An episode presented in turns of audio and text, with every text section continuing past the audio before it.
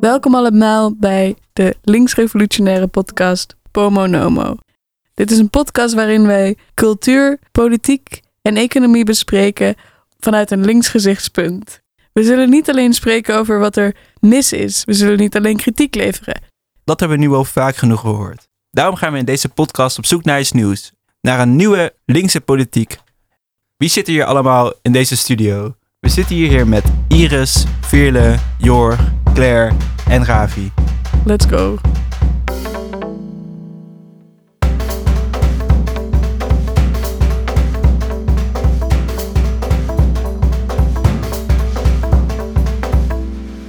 Integratie, het is een vreemd woord. Wat betekent het eigenlijk? Over deze dingen gaan we het vandaag hebben. We zijn er weer. Vorige week hadden we het over uh, identiteitspolitiek, ook al zo'n vaag woord. We zijn dus uh, begonnen als leesgroep, maar we dachten, we hebben zulke interessante gesprekken, laten we het opnemen. En daaruit is onze podcast begonnen. Maar integratie, je hoort het eigenlijk steeds vaker. Maar wat betekent het eigenlijk? Uh, je hoort er politici vooral over praten, heb ik het idee. Maar als begrip komt het eigenlijk uit de wiskunde. Afgeleid uit een Frans woord dat weer op zijn plek uit het Latijn komt. Van integraal, misschien ken je het nog van de middelbare school. uh, wat eigenlijk geheel betekent, een eenheid. En door te vervoegen met in, wordt het iets toevoegen aan het geheel. Of opgaan in het geheel. En omdat daar dus eigenlijk hoor je daar al een soort van verschil tussen iets toevoegen aan het geheel of ingaan in het geheel. Zie je eigenlijk al twee politieke kanten hoe je het begrip zou kunnen interpreteren. Ik heb ook een aantal definities opgezocht van hoe mensen integratie eigenlijk definiëren. De Oxford Dictionary stelt the bringing into equal membership of a common society those groups or persons previously discriminated against on racial or cultural grounds. Op een andere site, NC heet het, even voor de goede orde, de grootste bijdrage aan die site wordt geleverd door Paul Cliteur. Doe met die informatie wat je wil. Interessant. Die stelt dat het een proces van aanpassing aan de essentiële waarden en de dominante cultuur waarin men leeft is. Een dominante cultuur. Dan vraag ik mij, als misschien een soort van links geïndoctrineerd persoon af, wie bepaalt dan wie die dominante cultuur heeft? Wie dat is? Linksom en rechtsom hoor je allerlei mythes over integratie, over migranten, over vluchtelingen. Naast de negatieve voorbeelden die we waarschijnlijk allemaal kennen over negatieve stereotypes en hyperbolisch taalgebruik als tsunamis, vluchtelingen, zijn er ook positieve mythes ontstaan. Een positieve mythe onder migratie is de Good Migrant Myth, uh, dat door twee D66'ers, Rob Jette en Jan Paternotte, in de Volkskrant laatst is, uh, nog eens is afgestoft. En dat uh, laat eigenlijk zien, zoals ze het zelf beschrijven, is het, gaat het over de integratie dat de integratie van Marokkanen in Nederland een doorslaand succes is. Waarnaar ze alle mooie voorbeelden van filmsterren, voetballers, politici opzommen. Maar ik vraag me af of we zo naar migratie moeten kijken. Is dit de linksom manier van naar uh, integratie kijken?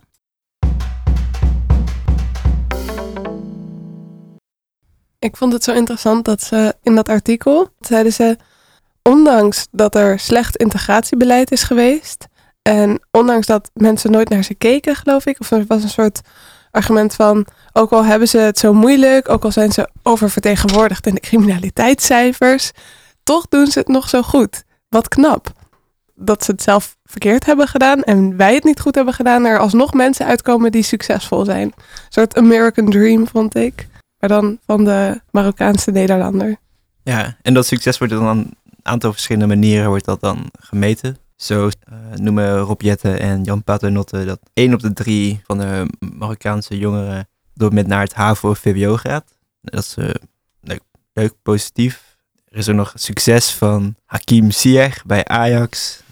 Van uh, Kadia Ariep in de Tweede Kamer. Dus dat zijn dan een soort van... Kijk, ze kunnen het wel. Ze kunnen ook hoge posities nemen en succes hebben op school. Dus dat is dan, dat is goed. Nou, dat is ook. Dus nee. dat, dat is dan iets wat uh, Jette en Paternotte dan aanhalen als. Ja, dit is dan hoe integratie echt zou moeten gaan. Ja, precies. Dit zijn niet gewoon gemeenschappen waar het goed mee gaat. Dit zijn goed geïntegreerde gemeenschappen. Dus om goed geïntegreerd te gaan, moet je topvoetballer zijn of voorzitter van de Tweede Kamer. In een andere context zei Beatrice de Graaf een keer over het glazen plafond. Dat we pas echt geëmancipeerd zijn als luie, slechte vrouwen ook aan de top zijn. Ik denk dat dat hier ook geldt. Dat je dus Ja. blijkbaar volgens de D66 pas goed geïntegreerd bent als je aan de top van de Nederlandse samenleving staat. Maar zou je misschien ehm, zou, zou je straks nog iets meer willen uitleggen over de Good Migrant Myth? Wat dat precies is? Wat de mythe zelf Hm. inhoudt? Ja, ten eerste wordt integratie daarin wel als een individuele plicht gezien. Eh, ik denk dat de gehele integratie op dit moment door VVD, D66 en CDA, SGP wordt het allemaal gezien als een, een ding dat je zelf doet en een plicht. Sommigen stellen zelfs in hun politieke programma's dat als je binnen twee jaar niet geïntegreerd bent of de integratietest niet do- door het ontstaan, dat je het land uitgezet wordt. Ja, maar want het gaat over eh, waarom is het dan een mythe? Want wat is het, wat is het mythe in de Good Migrant Myth? Ja, dat bedoel ik een beetje. Want wordt die Waar mythe wordt- dan nu gecreëerd? Want zij baseren zich heel erg op feiten. Volgens mij is dat een idee ook van... Kijk nou eens gewoon naar hoe het echt in elkaar zit. Hier heb je voorbeeld, hier heb je voorbeeld, hier heb je voorbeeld. Cijfers. Dus wat is de mythe daarvan dan? Want ik heb ook het idee dat ze een beetje willen zeggen van... Ja, iedereen praat wel over dat het een probleem is. En er is een ideologie of een eh, verhaal of een, eh, een door angst ingeboezemde idee over dat integratie is mislukt. Maar kijk nou gewoon naar de feiten. Laat je onderbuik niet spreken, kijk naar de feiten. En zie dat de integratie is gewoon eigenlijk best goed gegaan. Is goed geslaagd. Maar wat is dan, want als je dan zegt, het is- een good migrant myth, dan, dan heb je daar toch ook weer een beetje kritiek op. Dat dat niet zomaar de kale feiten zijn of zo. Ja, nou, om er, ik, wat ik nog interessant vond aan dat stukje in de Volkskrant is ook dat daar genoemd wordt dat ongeveer 6% van de Marokkanen dan in de bijstand zit. En dat is 1 op de 15. Dus dan is het een goed geslaagde gemeenschap. Dat wat bewezen wordt door de mensen die aan de top staan daarvan. En ik denk dat dat heel duidelijk ook uitlegt wat de mythe daarin is. Is omdat degenen die goed geïntegreerd zijn, dat zijn dan Hakim Ziyech en Khadija Arib en zo. Die, die zijn representanten voor die hele gemeenschap op dit moment. En nu is het dus goed gelukt met deze mensen. En ook dan de mensen die dus in de bijstand zitten, hoewel die dan eigenlijk niet goed gelukt zijn, zijn als groep wel goed gelukt. Ik- Het is een gekke manier om te praten over, over wat integratie is. Omdat het nooit als individuen worden gezien, maar als een soort van Mm. gemeenschappen die met z'n allen moeten bewijzen dat ze kunnen integreren in de samenleving. Ja, ik denk dat je wel heel goed kan zien in dit stuk dat wat integratie betekent voor. Dat is misschien interessant om te bespreken. Er zijn volgens mij verschillende betekenissen die aan integratie kunnen worden gegeven. En voor misschien dat een, een, een definitie van integratie is, kan zijn voor deze auteurs, dus Jette en Paternotte, eh, gewoon eh, goed meedoen of zo. Goed meedoen met, met de rest. En eh, ook profvoetballers produceren en ook naar HAVO, VWO gaan. Dat is dan een succesvolle integratie volgens... eh, waar een integratiebeleid volgens deze, voor Je- volgens Jette en Paternotte dan naar streeft, is om een bepaald soort type, ja, om mensen daarvoor klaar te maken. Dat ze dezelfde dingen doen als normale Nederlanders. Ja, het wordt echt eh, gezien als de VVD bijvoorbeeld, ook een liberale partij. Eh, ik zou, zeg maar, de D66'ers eh, uit dat eh, stuk, zou ik misschien wel kunnen eh, omschrijven als van die optimistische liberalen. En de VVD vind ik ook echt zo'n partij en die in hun partijprogramma zegt ze ook, een baan is de beste manier om te integreren. Dus mensen moeten zo snel mogelijk aan het werk geholpen worden. Ja, het criterium lijkt inderdaad echt te zijn meedoen, economisch meedoen. Succesvol zijn betekent zeg maar een baan hebben, Ja, je belastingen kunnen betalen, niet in de uitkering zitten. Het liefst ook meedoen in de kenniseconomie. Volgens mij is D66 ook al voor. Dus als je HAVO, VWO, dat is nog beter. Dan draag je nog meer bij aan onze kenniseconomie. ja. Dus, ehm, en ze hebben het ook heel vaak over wat zijn. Dat is ook altijd een vaak een grappige discussie tussen bijvoorbeeld Wilders en D66. Dan zegt Wilders: de immigranten kosten ons heel veel. En dan gaat D66 zeggen: nee, ze leveren ons heel veel op. Want ze werken heel hard en ze zijn heel goed voor de economie. Want, en we hebben ze ook nodig, want er is ver- vergrijzing. Dus het gaat altijd, lijkt altijd in een frame van eh, hoe gaat het met de economie en passen ze daarin? ja. Denk je nu niet? In Ja. ook De- m, veel integratie ehm, eh, vocabulaire, de woorden die mensen gebruiken om over integratie te gebruiken, eh, wordt soms echt dat metafoor van een huis voorgesteld. In bijvoorbeeld meer de rechtse kringen. Eh. Dat mensen in ons huis willen wonen en daar moeten ze aan onze regels voldoen. Maar bij de optimistische liberalen is het eigenlijk meer een bedrijf. Ja, Nederland als bedrijf. ja, En daar maakt het eigenlijk ook niet zo heel veel uit waar je vandaan komt. ja, exact. Je kan van over de hele wereld komen als je maar werkt en de economie steunt. Ze, ze noemen het wel heel even dat het niet, of een heel voorzichtig noemen ze het. Dat, het- dat er ook wel iets meer gaat, maar het is wel een heel liberaal stuk. Dus het gaat wel voornamelijk over economische bijdragen die Marokkaanse Nederlanders kunnen leveren. Of eh, een andere manier om te laten zien dat je in deze samenleving succesvol bent, zoals profvoetballers zijn. Ze hebben het ook wel over acceptatie en emancipatie van LHBTI'ers. Dat dat dan een probleem is. Maar de zin daarna zeggen ze, maar alles bij elkaar zien de cijfers over Marokkaanse Nederlanders er steeds beter uit. En dan zie je ook misschien wel een beetje, wordt het misschien ook wel duidelijk dat er meerdere ideeën zijn over integratie in het huidige politieke debat. Dat eh, bij partijen als eh, de FVD, die duidelijk een veel minder, minder grote focus hebben op een economische variant van integratie. Maar het, Ja. het juist gaat om cultuur. Dus juist om accepteren van Nederlandse waarden. Dus juist om, ik weet niet of ze daarmee in zijn hoor, eh, acceptatie en emancipatie van LHBTI'ers. Dit lijkt een goede oplossing. Van culturele achtergrond wordt achterwege gelaten. Iedereen is welkom in het Huis van Nederland, volgens deze optimistische liberale instelling. Dus waar moeten we niet allemaal VVD'er gaan worden? Ja, goede vraag. Eigenlijk. Het klinkt eigenlijk wel, op een bepaalde manier klinkt het ook wel heel aantrekkelijk. Wat, ze- wat uh, Paternotte en Jette hier voorstellen. Want culturele achtergrond maakt inderdaad voor hun uiteindelijk niet heel veel uit. Waar het om gaat is om mensen gewoon klaar te stomen om ook HAVO en VWO te gaan doen en eh, belasting te betalen. Dus dat, is, en dat maakt het ook wel heel, op een bepaalde manier lijkt het heel open. Hun idee van eh, integratie. Eh, iedereen kan erbij horen. Maar is het ook in, ik denk altijd, dit is theoretisch politiek heel erg mooi. Ehm, en iedereen in Nederland heeft dezelfde rechten, allemaal heel mooi. Maar is dat ook in de praktijk zo? Van, heeft iedereen dezelfde toegang tot de, tot de arbeidsmarkt? Wordt er niet gediscrimineerd bij sollicitaties of stageproductuur? Ja. Ehm, wordt daar niet gewoon alsnog naar culturele achtergrond gekeken? Ja, ik denk dus dat dat het grote probleem is. Dat ze altijd willen ze cultuur naar privé, eh, hoe zeg je dat? Degraderen. Dus er is altijd meer zicht op het economische en minder zicht op wat, wat cultuur voor mensen betekent. En ook hoe cultuur kan uitsluiten, insluiten. En dan zal een liberaal altijd zeggen, ja, maar dan moeten we dus niet naar kijken. We moeten kleurenblind zijn. Zoiets. Eén voorbeeld vind ik wel sterk eh, een voorbeeld over Joodse integratie in Duitsland. Joodse mensen zijn objectief totaal geïntegreerd. Niet allemaal, maar sommigen wel echt. Die doen helemaal mee met de economie. Ehm, hebben grote bedrijven ook. eh, hebben banen. Je kan eigenlijk aan de buitenkant niet zien dat iemand Joods is. Dus je zou zeggen met, eh met Rob Jetten en eh, die andere dude. Wauw, integratie is geslaagd volgens alle feiten en, en criteria. Maar precies op dat moment krijg je dus een backlash tegen Joodse mensen. En juist op het moment dat je zegt, ja, maar er is helemaal geen verschil. En dan zeg je, het maakt ze nog gevaarlijker, want je kan het niet zien. Weet je wel? Dus er is een ander veld, en daar gaat het volgens mij ook om, waarin mensen elkaar zien en waar ze de mensen als ander zien of als gevaar of als ziekte. Of... En dat heeft te maken met cultuur en betekenis en wie hoort erbij en wie niet.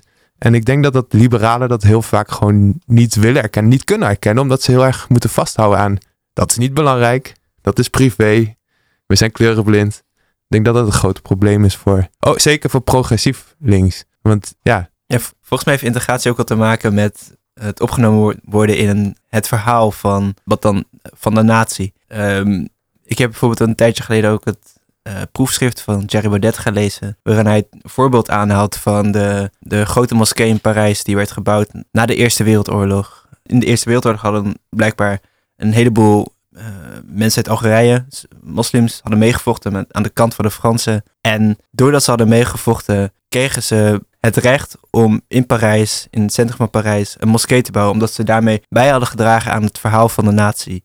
En dat is misschien ook wel iets dan, wat je dan ook misschien Ja. hebt bij, bij het verhaal van die eh, Joodse mensen in Duitsland. In, tijdens de, nu nog steeds, maar ook, ook, ja, ook in het verleden. Ze deden dan als het ware wel mee met de economie. Ze betaalden belasting. Nou, liberaals zeggen helemaal, helemaal top. Maar ze waren nog niet opgenomen in het verhaal. Het verhaal van de natie was zelf al heel, uits- heel uitsluitend. En daarin werden ze al uitgesloten. Ze waren niet ehm Germaans. Ze hadden niet Ja. dezelfde, dezelfde bloed, weet je. Hmm. Ehm, in de integratie zou in ieder geval dan voor misschien een conservatief zijn dat je onderdeel wordt van het verhaal. Maar of dat nou echt mogelijk is altijd, zijn, ja, dat, is wel, dat is een beetje de vraag. Als het gaat om het verhaal van de goede migrant en hoeveel kunnen mensen economisch bijdragen, dan wordt ook de migrant op die manier gezien als iets, als iemand die moet komen bijdragen en dan pas het recht heeft om hier te zijn. Ja. Wat ik dus ook een foute manier vind om daarover na te denken, omdat meeste, de meeste mensen die hier komen, ook economische migranten, hier alleen maar komen om een eh, of überhaupt een leefbaar leven te leiden of een beter leven te leiden. Ehm, en dat, ik denk dat dat een heel belangrijk punt hierbij is, wat vaak vergeten wordt, omdat het dan alleen nog maar, gaat- dan komt er iemand binnen en het enige wat er gevraagd is van, oké, maar wat kan jij bijdragen? En dat dan ook alleen in economische zin, dus niet in culturele zin. Ehm, en nou ja, het probleem daarmee is gewoon dat dat, naar mijn mening, een totaal onmenselijke behandeling is van mensen die vaak een, heel ellendige reis hebben gemaakt, de familie en vrienden en eh, hun hele leven hebben achtergelaten om door te kunnen gaan. Ja, mensen lijken soms, soms te vergeten dat vluchtelingen er ook niet echt voor gekozen hebben om te vluchten. En zeg maar, vervolgens gaat het debat over moeten we ze binnenlaten of niet? En waar, ze- waar, waar laten we ze? En hoe kunnen ze ons helpen met de economie groter maken? Terwijl het gaat gewoon over mensenlevens. Ik vind dat metafoor van het huis wel goed. Dat het, is, het is altijd alsof ze gewoon, alsof we met z'n allen in een huis zitten en er komen ineens mensen aan de deur. Zo van, hallo, ik wil ook in dit huis. Zeg maar helemaal niet verder dan dat. Gewoon, je hebt het huis, er zijn al mensen. En dan klopt iemand uit aan de deur en die vraagt, mag ik hier ook zijn? En dan is de vraag, mag dat of niet? Terwijl, waar komt die persoon überhaupt vandaan? Heeft dat te maken met geopolitiek? Heeft het te maken met klimaatverandering? Het maar lijkt ook- helemaal niet zo het perspectief te zijn. Het lijkt, lijkt heel vaak gewoon zo van, wij zijn hier in eh, Nederland. We hebben hier alles op een bepaalde manier op orde. En wat doen we nu? En nu, nu hebben we een probleem, want er komen mensen aan onze deur en die vragen iets van ons. Oké, wat gaan we, hoe gaan we daarmee om? Of zo? Maar het huis zelf wordt ook gewoon vanzelfsprekend gezien.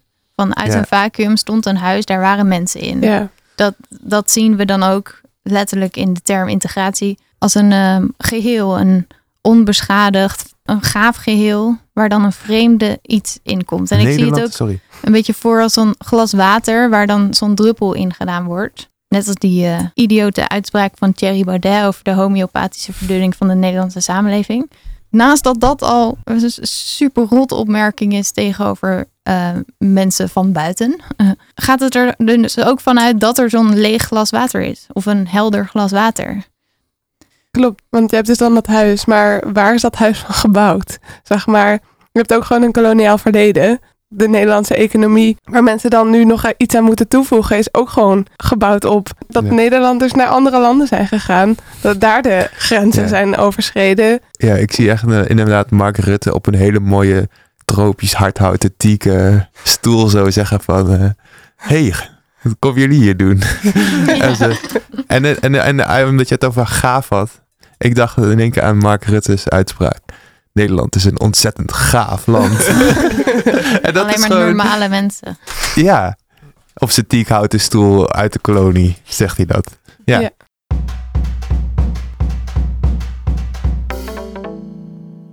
Oké, dus ik heb even gekeken naar de conservatieve visie op integratie. En eigenlijk conclusie om het een beetje bout te zeggen. Kan je dat zeggen? Bout? Een bouwde stelling, ja. Is, eh, volgens mij is er geen beleid, is er eigenlijk geen beleid op integratie. Ze hebben het er wel af en toe over, maar er is niet echt zoiets als integratie. Maar het gaat zeg maar, wat ik heb gedaan is even gekeken wat is conservatisme en hoe, hoe zie, je dat bij de FVD. En toen heb ik ook, dacht ik van, hoe zat het eigenlijk bij Pim Fortuyn? En het was wel duidelijk dat er een bepaalde lijn in zit.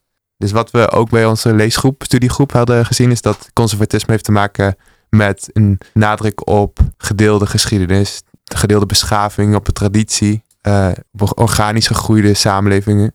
En, natuurlijke hiërarchie, etnos. Etnos is ook een belangrijk woord. Ehm, ik heb dit uit de Wikipedia. Roger Scruton, misschien kennen jullie hem wel, zegt eh, eh, de grondslagen van conservatieve leren autoriteit, trouw, constitutie en de staat, recht en vrijheid, eigendom en autonome institutie. En de andere, Andrew Haywood, zegt traditie, pragmatisme, menselijke imperfectie, organicisme, hiërarchie, autoriteit en privé-eigendom. Oké, dat zijn gewoon wat woorden. Dus ik eh, ging daarmee zo even kijken naar wat eh, is nou, staat er nou eigenlijk in het FVD-partijprogramma. Dit zijn de drie hoofdpunten. Nederland beslist zelf wie wordt toegelaten. Res- restrictief immigratiebeleid. Visa naar Amerikaans model. Maar kijk, dit lijkt nog wel een beetje zo eh, liberaal-achtige woorden te zijn van er is integratie en we hebben een beleid en het is restrictief. Maar als je gaat lezen wat ze nou eigenlijk bedoelen.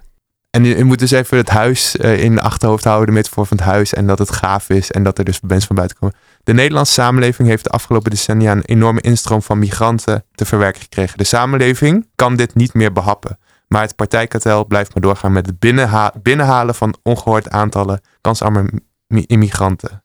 Dus dit is punt 1. Wat willen de conservatieven? Wij hebben onze eigen cultuur, die, dat is allemaal oké. Dan zijn de mensen uit een andere land en die hebben een andere cultuur. Het geld dat we aan immigratiebeleid hebben besteed, zouden we veel effectiever en zinvoller kunnen worden besteed aan opvang in de regio. Past ook heel goed, want die cultuur hoort daar. Dus die kan beter daar blijven. Dan kan je veel beter eh, geld in stoppen.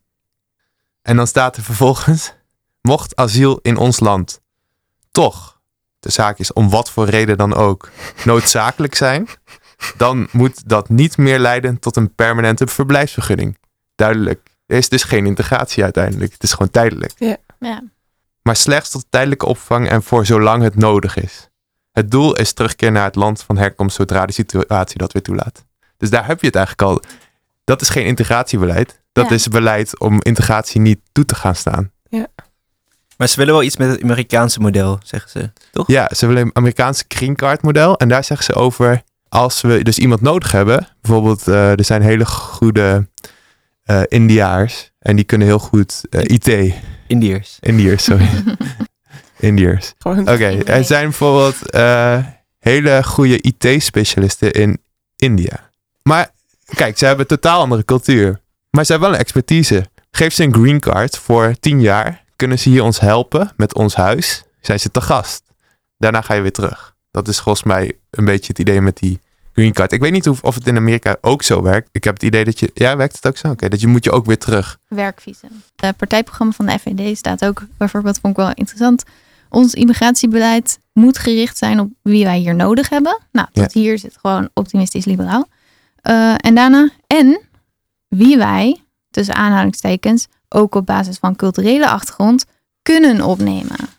Dus het is niet eens een huis, zeg maar. Er- ja, misschien is het een huis, maar sommige mensen passen gewoon letterlijk niet door de deur, omdat ze een andere cultuur hebben.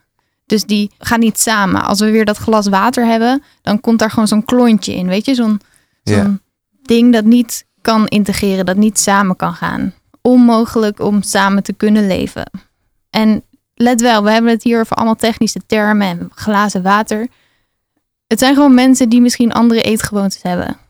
Die zich anders kleden. Ehm, cultuur is het alledaagse. Is of je nou aangeleerd hebt om met een mes te eten of met stokjes daarvan zeggen ze, dit zijn zeg maar mensen met wie we niet kunnen samenleven. Ze zijn nog net niet zo ver dat ze zeggen, dit zijn geen mensen. Van we hebben mens A en we hebben mens B. Dit is letterlijk onmenselijk of mensoneigend de ideeën die hier op papier staan. Doet ook heel erg denken aan uitspraken als wij worden weer de baas in ons eigen land. Wat Thierry Baudet zei na de winst van de senaatsverkiezingen. Wat ook interessant is als je het hebt over mensen die hier al heel lang zijn en die ook hun bijdrage geleverd hebben aan de cultuur. Dat lijkt niet iets te zijn wat er überhaupt erkend zou worden door de FVD, omdat ze op dat moment zouden zeggen: Oké, dat is hetgene wat dus niet van ons is. Want het, het is duidelijk dat ehm, het eten met stokjes niet van ons is. Dus het, wanneer mensen dat soort gewoonten overbrengen naar Nederland, dan is dat vijandig. Of dan is dat niet iets wat toegevoegd wordt aan de samenleving, maar iets wat ehm, eigenlijk, of iets wat een toevoeging geeft aan de samenleving, maar iets wat weggewerkt moet worden en iets wat niet past bij wat wel echt Nederlands is. En dat is belangrijk en dat is puur. En dan kom je weer terug op dat gave geheel en het onbedorven water. Dat is de Nederlandse cultuur al. Kijk, dit is dus het, punt, het enige punt waar echt integratie wordt genoemd. Want dat is dus wel, het zat het dubbel, het lijkt wel over integratiebeleid te gaan, maar is iets duidelijk dat, niet, dat ze niet een beleid maken van hoe kunnen we deze mensen het best in ons land laten integreren. Daar is volgens mij niet echt een beleid op. Het beleid is, oké, ik ga het punt gewoon voorlezen nu. Dat is punt 7, bevorderen remigratie waar integratie, en dan staat er tussen haakjes, assimilatie, mislukt. En toen heb ik even opgezocht, wat bedoel je met assimilatie? Die heb ik gewoon de Wikipedia opgezocht. Culturele assimilatie, ook wel kortweg assimilatie, is het sociaal, socialisatieproces van acculturatie, waarbij leden van een niet-dominante groep zich mengen met de dominante groep en daar de cultuur van overnemen, terwijl de eigen cultuur wordt losgelaten en contact met de andere leden van de eigen groep niet wordt nagestreefd op basis van afkomst. Er is dus een hoge graad van participatie met en aanpassing aan de andere groep maar nauwelijks van cultuurbehoud en geen opzettelijke participatie met de eigen groep. Er wordt ook wel gesproken van een smeltkroes. Dat vond ik een beetje vreemd, maar oké. Dus dat is dus, ik denk dat dat het, dat het, dat het meest uh, omvattende integratiebeleid is van de FVD. Maar ze zeggen, ze noemen het ook wel een smeltkroes. Terwijl een smeltkroes zou zijn dat er dat iedereen samenkomt, dat het allemaal, dat je elkaars cultuur allemaal over kan nemen. En alles een beetje door elkaar hebt. Terwijl het volgens mij gewoon is, je hebt een dominante cultuur en je zal je er maar aan moeten aanpassen en anders moet je weer weg. Dat is het beleid van de Forum voor Democratie in dat programma, toch? Ik denk trouwens wel dat we het misschien wel iets serieus moeten nemen wat de FVD uh, eh, zegt. Uh, ik denk dat het juist niet alleen maar gaat over, over de eetgewoontes en over de kleding. Ik denk dat ze er veel meer mee bedoelen. Dus ook een, Nederlandse socioloog, Willem Schinkel, die, die noemt het ook ongeveer zo Waar het om gaat is dat die immigranten, of die met die andere culturele achtergrond, dat zijn uh, gewoon een ander soort mensen. In Nederland zijn we vrij, zijn we individuen. En die mensen die uit die andere culturen komen, die zijn dat niet. Of die, die hebben dat niet geaccepteerd dat ze individuen zijn die vrij zijn. En daarmee ook allemaal andere dingen uh, krijgen die, hoe zou je dat zeggen, um, die voor vrijheid van meningsuiting zijn. En dat soort individuele vrijheden. En omdat ze dus niet, omdat ze een ander soort mens zijn, kunnen ze niet bij de Nederlandse, Nederlandse cultuur horen. Dus gaan we zeg maar tot de, tot de kern van, uh, je kan zeggen, ontologisch. Ja. ja. Zijn ontologisch gezien, dus wie ze zijn, zijn ze gewoon anders. Dat maakt ze dat dat onmogelijk is om te integreren, volgens de FVD. Mag ik daar iets aan toevoegen? Uh, je hebt een liberaal idee van cultuur. Cultuur, privé, publiek is iedereen rationeel. Dan is cultuur optioneel. Dus dan zou je zeggen, oh, het gaat over de dingen die je eet. En zo. Maar voor conservatieven is cultuur is niet, dat is wie je bent. Zeg maar, dat is je ethnos. Dat is, dat is ontologisch, zeg maar. Dus, uh, dus het cultuur eh, is hier ook, kan een beetje, ja, je moet goed zeg maar, dingen uit elkaar houden. Van dat heeft verschillende visies, hebben verschillende kijk op wat cultuur is. Dus ik denk dat dat daarop aansluit. Vandaar ook geen integratiebeleid, want cultuur kun je dus blijkbaar niet aanleren. Ja. Van ook al ben je vierde generatie, alsnog ben je geen Nederlander. Het verhaal van Nederland is dat Nederland een land is, een seculier land, dat wordt dan altijd zo gezegd, bestaande uit met individuen. Ehm, en dat is dan de Nederlandse samenleving. Dat is, Willem ja. Schinkel noemt het ook een soort van een tegenstrijdigheid. Wat ons als groep definieert, is dat we individuen zijn. Dat we dus niet een groep zijn. Ik wil het heel graag hebben over de SP. Ja. Want uh, wij, wij vinden deze twee vormen van praten over integratie, namelijk de liberale opvatting en de conservatieve opvatting, rechtsconservatief, daar zijn we het niet mee eens. Nou ja, en we zijn links. Dus we zijn op zoek naar politiek die wel op een betere manier bezig is met integratie. Um, nou, de SP is een socialistische partij. De socialistische partij. Socialisme wordt altijd geassocieerd met internationalisme. Ik bedoel, het is proletariërs aller landen verenigt u. Maar de SP is zich specifiek aan het richten op Nederland en komt op voor de Nederlandse arbeider. Vervolgens stellen ze dat internationalisme goed is voor kapitalisme. En dat zien we ook heel duidelijk bij de liberale opvatting van integratie. Namelijk dat je stelt, uh, iedereen mag komen, want ze kunnen gewoon heel goedkoop uh, werk verrichten voor ons. En uh, daarna mogen ze weer weg. En daar is dus de, de SP tegen. Dus ze zeggen, Jan van Dijk is Tweede Kamerlid van de SP, die zegt, open grenzen worden bejubeld door bedrijven en door cosmopolieten. Het klinkt leuk, maar in de praktijk leidt het tot oneerlijke concurrentie, sociale ontwrichting en loondump. Dus wat ze zien is open grenzen zorgt ervoor dat er goedkope arbeid komt en dat de arbeiders die in Nederland wonen het slechter krijgen. Bovendien, er zijn veel asielzoekers gekomen in Nederland en die komen dan vooral in de armere gemeenten terecht en niet in de rijkere gemeenten.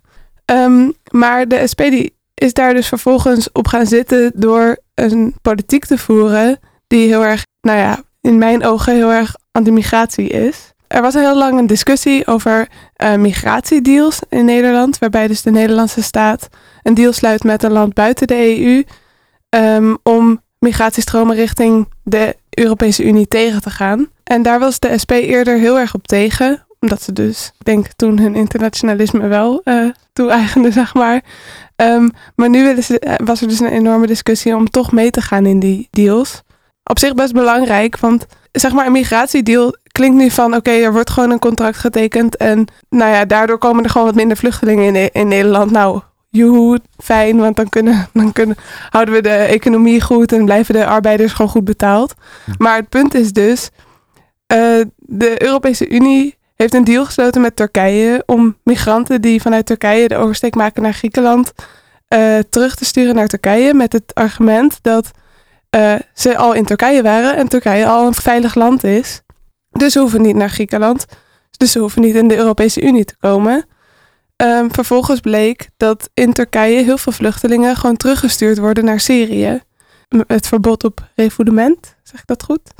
Uh, dat, er is een verbod om uh, vluchtelingen terug te sturen naar het land waar ze uitgevlucht zijn. En de Europese Unie wist dat Turkije dat deed, maar is toch alsnog hier meegegaan. En dat is best heftig, dat zeg maar dus een partij, de Socialistische Partij, dan vervolgens uh, daar ook in mee wil gaan. Wat me dan heel erg opvalt, is dat dit niet iets heel nieuws is, volgens mij. Want ik dacht dat het heel nieuw was dat deze discussie zo gevoerd wordt.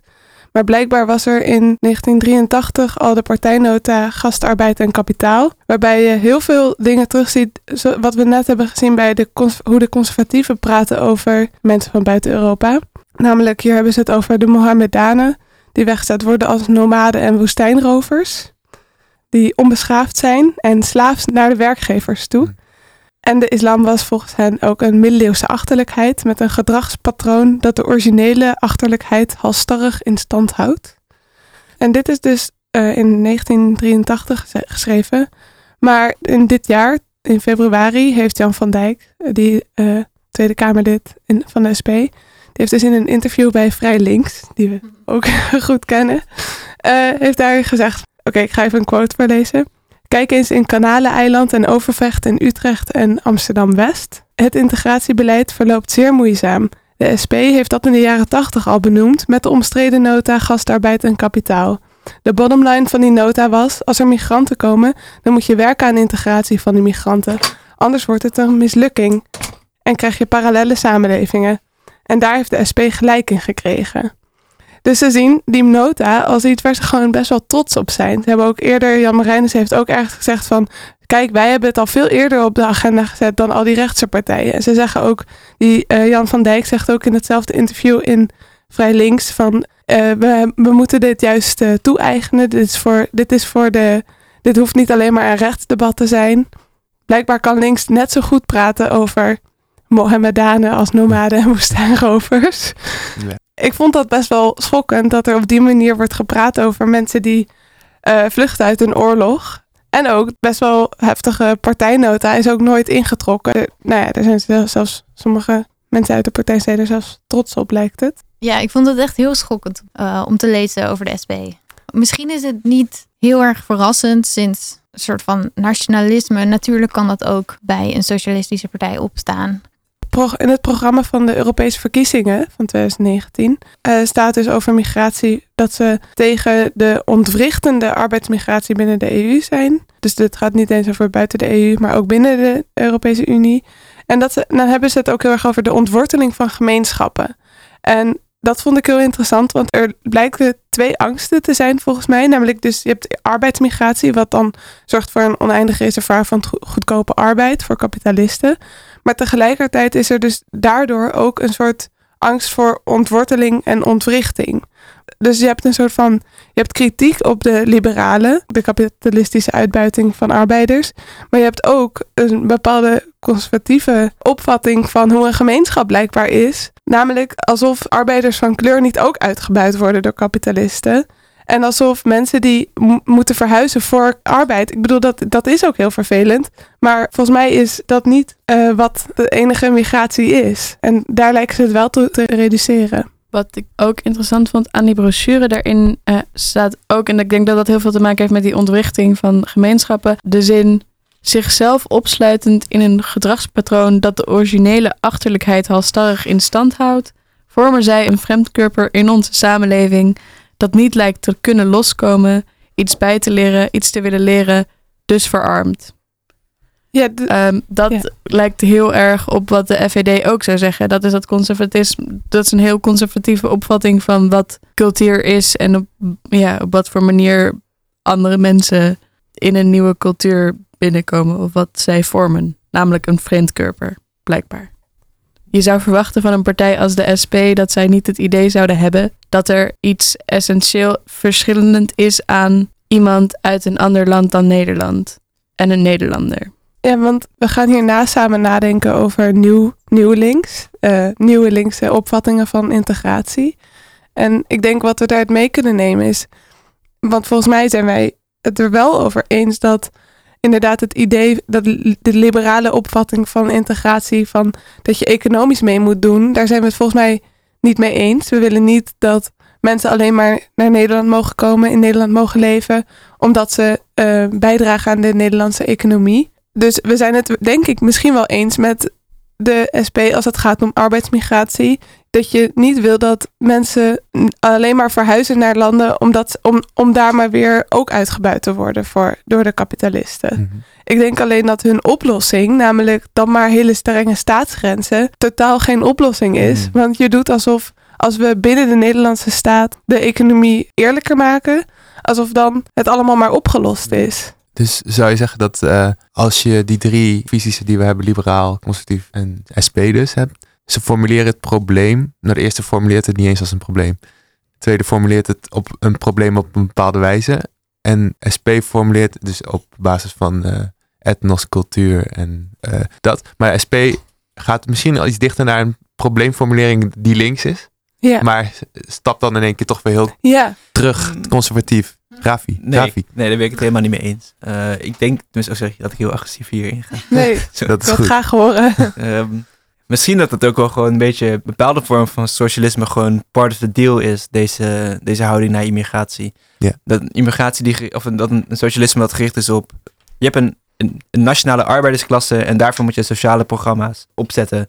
Programma's als eh bijstand, eh, gezondheidszorg, sterke, sterke positie van de landelijke of nationale arbeiders om te onderhandelen met, met hun werkgevers, dus in de vakbonden. En als er dan opeens mensen dan bijkomen die eh, misschien nog niet tot die niet zijn ge- geïntegreerd, tussen aanhalingstekens, in de, in de arbeidersklasse van dat, dat specifieke land, dan is er volgens deze, dit, deze soort socialisten een, een probleem. Dat ten eerste, dat er vaak dan een grotere kans dat er gebruik wordt gemaakt van bepaalde sociale voorzieningen. Dus mensen die net nieuw zijn, de taal niet kunnen spreken, niet de bepaalde opleiding hebben, die komen misschien moeilijker aan een baan. Of die zijn, die zijn kwetsbaarder op de arbeidersmarkt, die worden eerder ontslagen. En gaan misschien ook wel voor minder geld aan de slag. Dus daarmee zouden ze dan de relatie tussen de nationale arbeiders en de kapitalisten onder druk zetten. Aangezien ze dus voor minder aan de slag gaan. En dat is dan volgens dit, dit soort socialisme, wat de SP dan ook heeft, of tenminste een bepaalde stroming binnen de SP heeft, is dan heel natuurlijk gewoon tegen, tegen immigratie. En dat zie je ook bij andere sociaal-democratische groepen in Europa.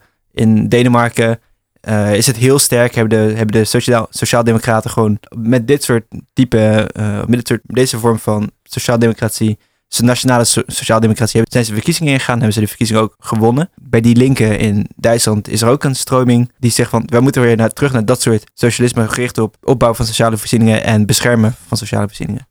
Ehm, ik vraag me dan af of daarin een verschil zit tussen eh, kritiek leveren op het hele systeem en dan maar pragmatisch je grenzen vast te maken. Omdat je zou zeggen dat als je tegen een kapitalistisch systeem bent, dat je dan niet kan zeggen. Maar ik ben alleen tegen dat systeem binnen mijn eigen staatsgrenzen, want zo werkt het überhaupt niet en zo kan je het niet omverwerpen. En als je er tegen bent dat eh, arbeiders worden uitgebuit, dan, dan ben je daar tegen op een internationaal niveau. Dus dan zou je op die manier proberen op te lossen dat dat gebeurt. Waardoor je niet meer zou zeggen dat er zoveel druk zou komen te staan op binnenlandse systemen. Dus dan is het een pragmatisch standpunt om in te nemen. Dus om te zeggen van oké, we letten op de migranten die er aankomen. En wat ik dan wel vreemd vind, is als je dus ook de arbeiders van buiten je eigen land erkent als mensen die ook uitgebuit en onderdrukt worden, dat je ze dan wel op deze manier afschildert, hoe ze nu hierin werden afgeschilderd. Of op zijn minst dat je dat accepteert als mensen dat doen. Ja, ik denk dat het eh, te veel eer geeft aan deze reacties om te zeggen dat dit binnen het een grotere filosofie van het communisme of van het socialisme is. Ik denk dat dit gewoon meegaan in die negatieve stereotypes en mythes over ze komen hier onze baan afhalen. Mijn zoon kan geen huurhuis vinden en al die migranten krijgen gewoon meteen een huurhuis. Gewoon een beetje boosheid op de woningmarkt, boosheid op eh, liberale politiek en dat uiten op een hele makkelijke zondebok. als ik het goed begrijp, als je het hebt over nieuw links. En ik hoor dit verhaal zo aan. En ik denk dat er dus eigenlijk veel meer een conservatieve lijn is in de, in de SP ook. Die, die, die haar verbindt met juist met FVD, zoals en misschien ook liberalen. Dat we als we nieuw links willen, dan is dat niet binnen de SP. Oh, we hebben eenzelfde uitgangspunt en dan verder. Maar dan is dat echt weg, SP, allemaal weg. Jullie zijn allemaal veel conservatiever. Ik zou bijna willen zeggen drie uitingen van eenzelfde conservatieve lijn. En dat is dus echt een gat, een knip. En dan is er misschien iets anders. En niet binnen SP zeggen van nou, we hebben een paar gedeelde dingen. Hier is misschien ook wel interessant om te zeggen wat Thierry Baudet zei over conservatisme. Hij zei van conservatief is niet tegen vooruitgang. Een conservatief is tegen revolutie. En ik denk dat ook hier duidelijk is wat wij dan, wat wij dan vinden. Ehm, wat de SP, wat de reden is dat zij dus tegen, tegen arbeidsmigratie zijn en tegen, aangezien dat het dan de sociale voorzieningen in Nederland ondermijnt, is dat zij uiteindelijk niet revolutionair zijn als ze revolutionair waren, dan waren ze ook, dan zouden ze eh, misschien ook wel solidair zijn met de mensen die van buiten de grenzen komen. Aangezien dat ze dat dan als onderdeel zouden zien van hetzelfde proletariaat. Ja, ze En- maken nog steeds dat onderscheid van ons volk, Ja. ons Ja. huis, ons glas water. En dan moeten we Ja. beschermen. Ja. Ja, Daar zijn ze heel conservatief. en niet Eigenlijk alle arbeiders Archetypisch. Eh, waar je ook vandaan komt, hoort goede sociale zekerheid te hebben. En als wij dan iets, misschien een goed bruggetje naar wat, wat wij ook willen. Is, dat, is het nu de goede Ja, tijd ervoor? Het is het moment. Ik heb heel lang zitten, mezelf gek zitten te maken over de tegenstelling. Conservatieven zijn, eh, hebben, zijn gebaseerd in traditie, cultuur, lange geschiedenis, gedeelde beschaving. En dan heb je daar tegenover lijkt het te staan verlichting, zelfbeschikking, dat soort dingen. En ik heb het idee, want kijk, ik las het stukje over de conservatieven. Conservatieven zijn niet per se dat ze niet veranderen door de tijd, maar dingen die heel lang bestaan krijgen, te gewoon door de, doordat ze lang bestaan, krijgen ze ook waarde en worden ze belangrijker. En ik denk dat de conservatieven van nu, en dat Thierry Baudet is daar ook wel een voorbeeld van, die zien dat verlichting, want ik dacht dat tegenover conservatisme staat, dat is volgens mij ook tijdens de eh, verlichting de Franse revolutie. Verlichting is traditie geworden. Verlichting is een traditie die hoort bij de westerse cultuur. Dat slaat nergens op. Zegt Willem Schinkel ook, daar heb ik het van. Verlichting staat tegenover traditie. Maar wat er is gebeurd is dat veel mensen zeggen... Nederland is een land met bepaalde normen en waarden. En onderdeel van die normen en waarden zijn dus verlichtingsideeën... vrijheid, gelijkheid, tolerantie. Maar, de- maar dat is een traditie. Je, je hoort het ook in het eh, stukje over de SP... dat het gaat over de Mohammedanen, de Ja. moslims. Eh, die zijn slaafs tegenover de werkgever. Wij zijn rebels en verlicht en dat soort dingen. Oké, ik wil even de, quote eh, van eh, Willem Schinkel. Dat is eigenlijk zijn punt over de dubbele helix. Dus dat is communitarisme en neoliberalisme. En ik zie dat communitarisme is traditieconservatisme. Neoliberalisme is individu-verlichting. En dan zegt hij: The double helix of cultural assimilationism and neoliberalism, as we have described it for the Netherlands, consists of a coming together of communitarian emphasis on Dutch culture. Dus daar heb je het conservatieve element. En Dutch norms and values aan de ene kant, with a neoliberal emphasis on individual responsibility and partic- participation. Dus dat is primair het individu van de verlichting. Maar die zijn samen. En volgens mij doen ze het allemaal. Dit is zeg maar het nieuwe conservatisme. Denk aan Vrij Links. Vrij Links zegt ook altijd: we moeten de grote traditie van de verlichting beschermen. Dit vind ik echt een goed punt van Schinkel. Verlichting is geen traditie. Verlichting is iets tegen het conservatisme, tegen de traditie. Dus ik denk dat hier zit juist de opening voor ons. Want, want als moderniteit en verlichting traditie is geworden, dan, is het, dan gaat er iets mis.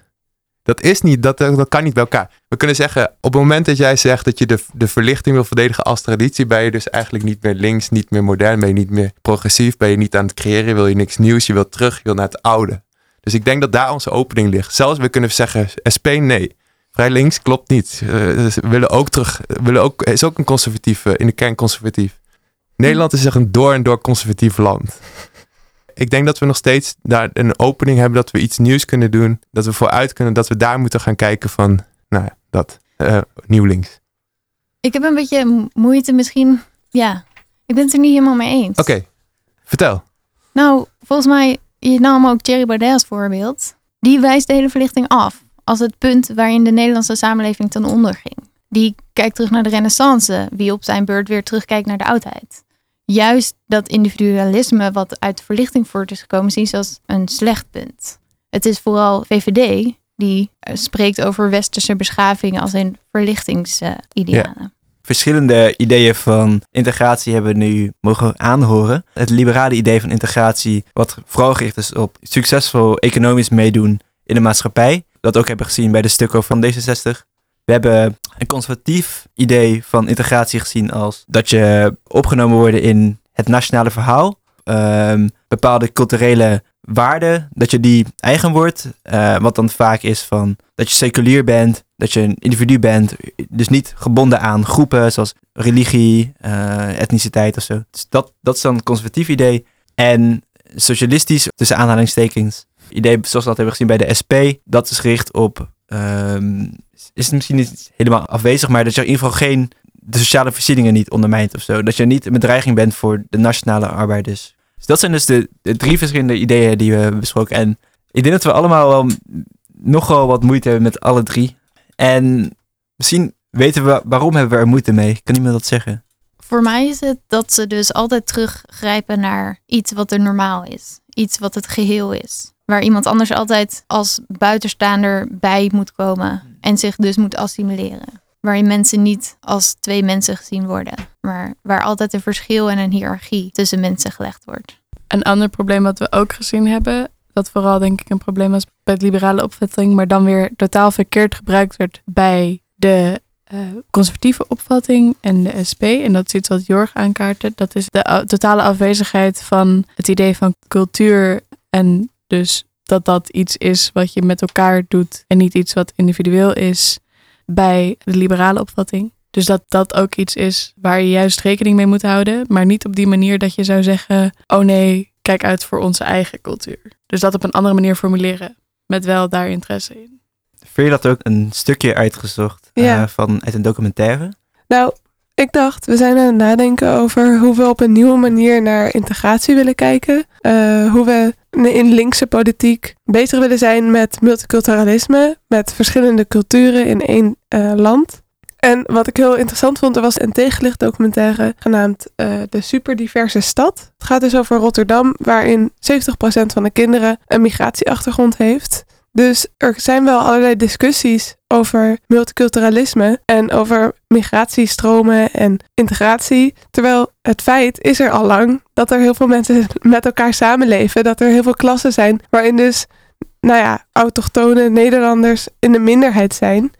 Ehm, en ik denk dat we vanuit daar moeten gaan kijken. Want er is nu de hele tijd een discussie over: willen we het wel? Ik denk, als we erkennen dat de vluchtelingen die naar de Europese Unie vluchten, als wij erkennen dat die mensen onderdak nodig hebben, dan moeten we wel met ze samenleven. Dan kunnen we wel de hele tijd een discussie voeren over hoe dat dan moet, of, of dat wel goed is voor de economie, of, is, of het goed is voor onze cultuur. Maar het is al lang een feit. Dus multiculturalisme in Rotterdam op de basisscholen is al lang een feit. Daar gaat dit stukje ook over. Eh, dit is dus een het documentaire niet uit van Tegenlicht, eh, de superdiverse stad. Wat we nu zien is dat die multiculturele samenleving tot wasdom komt, omdat er veel meer Rotterdammers zijn met een biculturele achtergrond. En zelfs eh, Rotterdammers zonder een biculturele achtergrond, voor wie dat ook een gegeven is. Waar je eh, het verschil ziet, is bij de instituten en de instanties. Want die zijn nog heel erg wit. Wat je dus heel vaak ziet is dat mensen nu eh, eh, eh, juist gaan denken vanuit een soort van... eh, ehm, dat mensen echt in hun kracht staan en zoiets van... ja, maar we hebben die instituten helemaal niet nodig. Wij komen met onze eigen initiatieven. Weet je, dat ze, dat ze voorbij gaan aan, aan al die gebaande paden. En dat ze op een gegeven moment hebben gedacht van... maar dan, dan moeten we maar pionieren. Dan, dan is het maar aan ons om onze eigen instituten in, in, in Nederland op te zetten. Fuck jouw integratie. Precies, dat inderdaad. Waarom integreren op jouw voorwaarden als, Ja. als deze samenleving al een realiteit is? Ja, Ik denk dat het eerder andersom is. Dat mensen vanuit eh, eh, die instituten of vanuit die dominante cultuur eh, aan het integreren zijn, mondjesmaat, met moeite, met vallen en opstaan, in, in die nieuwe stedelijke realiteit.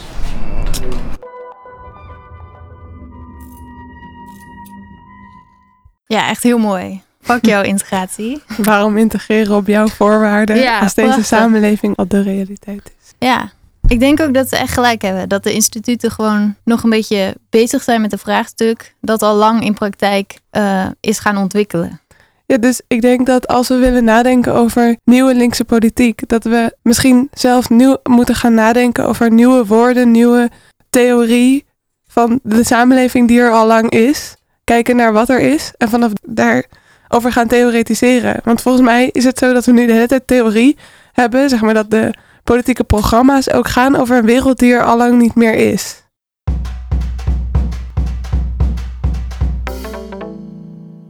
Mijn vader is zo'n 31 jaar geleden naar Nederland gevlucht. En woont hier dus met kinderen, vrouw en al jaren hier.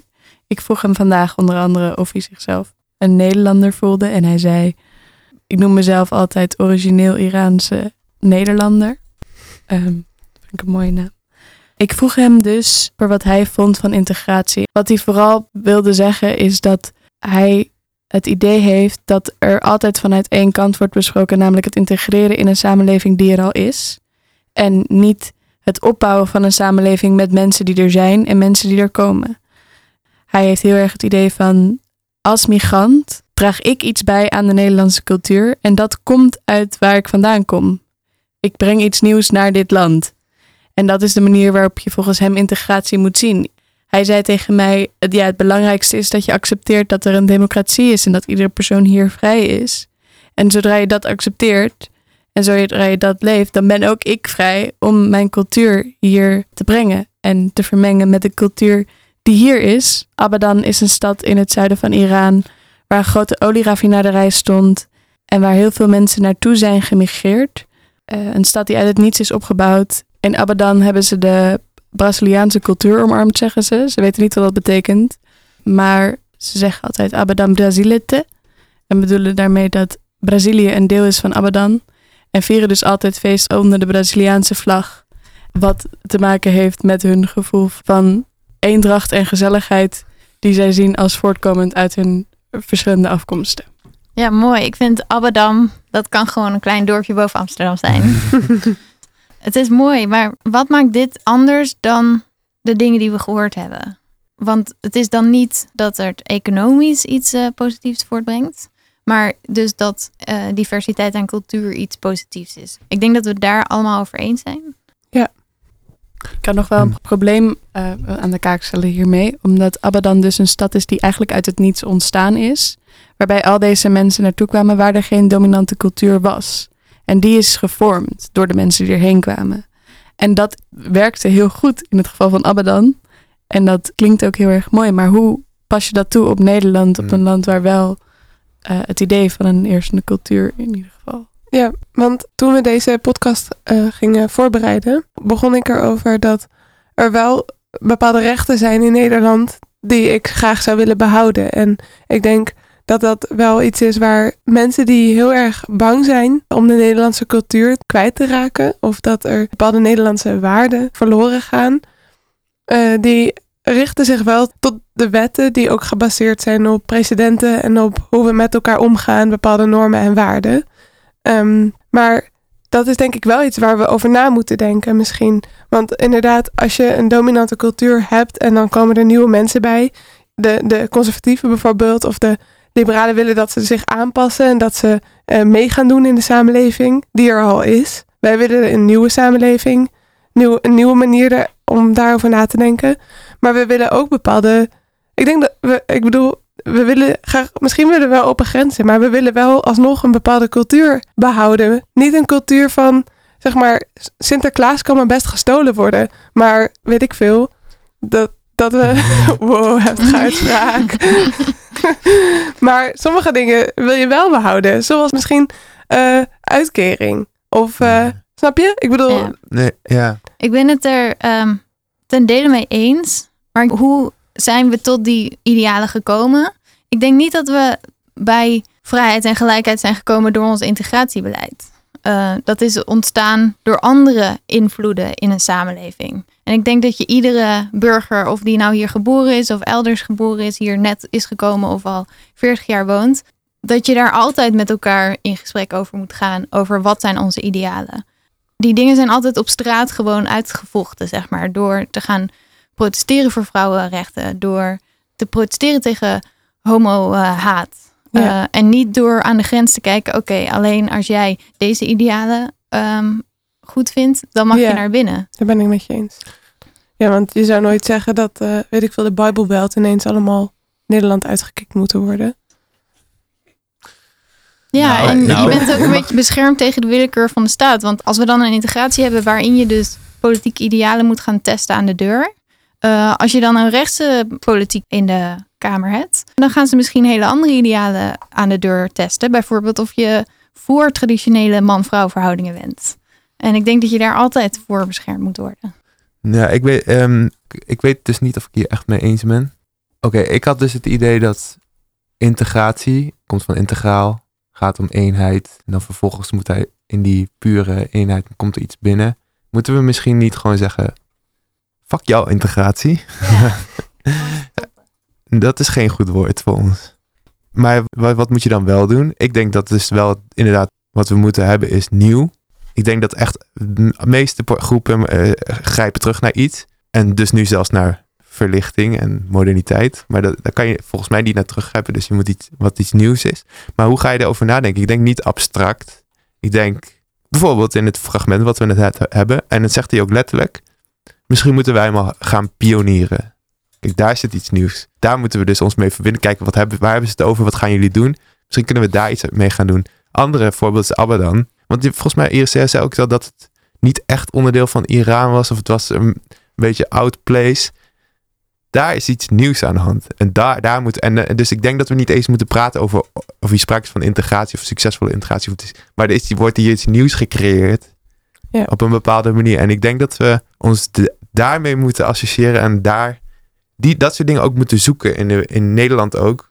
Van waar gebeuren ze? Waar, waar zijn dingen nieuw? Wat gebeurt er eigenlijk? Waar, waar het gebeurt, daar weet je hoe de situatie is en wat er ook echt nieuw is.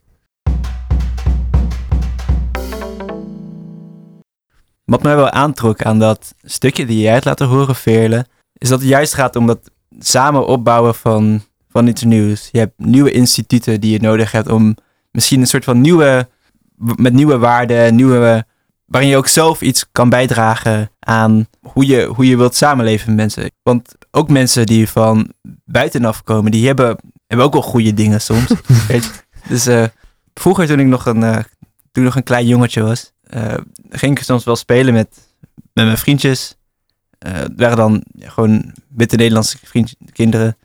En als ik dan om, als het dan vijf uur s'avonds was, dan werd ik naar huis gestuurd. Want dan gingen ze eten En daar mocht natuurlijk niet bij zitten. Mijn moeder zou echt nog liever gewoon echt van het dak afspringen dan dat ze mijn Nederlandse vriendjes als die om, om vijf uur naar huis te zien omdat, ze, omdat we gingen, zouden gaan eten. Als, als wij zouden gaan eten, dan zouden, die, zouden ze ook mee mogen eten. Dus dat is, dat, gewoon, dat is iets heel, heel stoms misschien, en iets heel, eh, heel, heel kleins. Maar juist als je van buitenaf komt, kun je misschien ook al, kun je misschien mensen uitnodigen, die mensen die van buitenaf komen, om uit te nodigen, om juist mee te doen met een nieuw project van Samenleven, een beter project.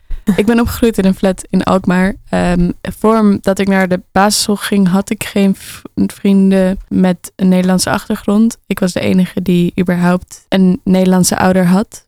En wij woonden met z'n allen op een flat. En eens per jaar kwam de Sinterklaas die veerlig gestolen kan worden uh, langs. En wat hij deed was met het grote boek zitten in een tent en iedereen één voor één naar voren roepen, elk kind. En telkens als er dan een kind naar voren kwam, dan zei Sinterklaas: En waar kom jij vandaan? En dan zei het kind: Uit Alkmaar. Maar waar kom je echt vandaan? zei Sinterklaas dan. Uit, uit Nederland, uit Alkmaar, uit Nederland. Nee, maar waar komen je ouders vandaan? En dat bij elk kind opnieuw. En dat is, was heel raar om te zien. Uh, en een heel raar fenomeen. En ik denk ook niet dat mensen zouden bedenken dat zelfs een flat waar geen Nederlandse kinderen in wonen, ieder kind in die flat zou zichzelf Nederlander noemen. Ik zat er te denken aan Frans Fanon in uh, The Ratchet of the Earth. Die heeft eigenlijk over, over hetzelfde. Dit is geschreven in de context van de decolonisatie, waarin er nieuwe, nieuwe staten werden gesticht uh, na de koloniale overheersing van voornamelijk Frankrijk, Nederland, Engeland, Brittannië in, in Afrika en Azië. En hierin geeft hij advies van wat dan die nieuwe staten moeten gaan doen. Misschien is het ook goed advies voor ons. Ik zal zat voorlezen. So, my brothers, how could we fail to understand that you have better things to do than follow in that Europe's footsteps? This Europe, which never stopped talking of man, which never stopped proclaiming its sole concern was man, we now know the price of suffering humanity has paid for every one of its spiritual victories. Come, comrades, the European game is finally over. We must look for something else. We can do anything today, provided we do not ape Europe, provided we are not obsessed with catching up with Europe. It is all true, however, that we need a model, schemes, and examples. For many of us, the European model is the most elating, but we have seen in the preceding pages how misleading such an imitation can be. European achievements, European technology, and European lifestyles must stop tempting us and leading us astray. When I look for man in European lifestyles and technology, I see a constant denial of man, an avalanche of murders. Man's conditions, his projects, and collaboration with others on tasks that strengthen man's totality are new issues which require genuine inspiration. Let us not decide to imitate Europe and let us tense our muscles and our brain in a new direction let us endeavor to invent a man in full, something which Europe has been incapable of achieving. Two centuries ago, a former European colony took it into its head to catch up with Europe. It has been so successful that the United States of America has become a monster where the flaws, sickness, inhumanity of Europe have reached frightening proportions. Comrades, have you nothing else to do but create a third Europe? Ik had het een stukje gekozen aangezien uh, dat werd zo goed vatten wat, uh, wat ook dat die meneer in die documentaire ook Ja. zei. Volgens mij was het ook of Gandhi of die Nero die iets zei. eh, Europese beschaving, wat een leuk idee. Ja, jullie die? ja. Van alsof het, oh dat zou leuk zijn als het bestond. Ja. Ja, ja, ja, Ja, ik ben het daar helemaal mee eens. Eh, Ja. Ik bedoel, ik was degene die vroeg van... eh, moeten we niet iets be- behouden, bewaren? Maar ik eh, ben het er helemaal mee eens dat we veel... Dat het ook die waarde waar ik achter sta... is volgens mij ook iets wat, wat helemaal niet... wat niet met de staat te maken heeft... maar met de mensen met wie je omgaat. En inderdaad de mensen die eraan meewerken. En dat zijn helemaal niet mensen die per definitie... tot de Nederlandse staat behoren. Of Nederlandse burgers zijn. Als je het hebt over bepaalde waarden die je graag wil behouden, dan denk ik dat die waarden vooral te maken hebben met een soort gelijke behandeling door bijvoorbeeld rechtsstaat. Of eh, het idee dat in principe mensen allemaal gelijk zijn ongeacht geslacht, seksuele voorkeur of eh, afkomst, dat soort zaken. En dat is iets wat niet per se verbonden is aan cultuur, maar iets wat daar heel erg los van staat. Integratie. Je kan het formuleren als uh, we gaan mensen als individuen zien die kunnen bijdragen aan onze bedrijf. Of we kunnen het bekijken op een conservatieve manier. Van we hebben een volk of een tribe of een natie of een etnos die willen beschermen tegen integratie. Maar misschien is er een nieuwe manier. Een nieuwe manier om naar andere mensen te kijken, om naar je medemensen te kijken. Niet als mogelijke pionnen in je fabriek en niet als een familie waarin je alleen maar mensen in je familie probeert te beschermen tegenover andere families. En nu steel ik Ravi's idee, maar volgens mij is dat Mag nu iedereen's idee. En dat is, misschien kunnen we menselijke relaties ook definiëren als een vriendschap of een kameraadschap. Waarin het niet uitmaakt uit welke familie je komt of uit welke hoek. Zou je je vriend de deur wijzen? Ehm, een beetje raar voorbeeld uit de ouders van Ravi's vriendje dat dus wel deden. maar laten we nieuwe menselijke relaties ontwikkelen. Waarin we naar andere mensen kijken alsof het onze kameraden zijn. Die we welkom heten, wie we respecteren, wiens ideeën we willen aanhoren. Terwijl we alsnog strijden voor idealen als gelijkheid.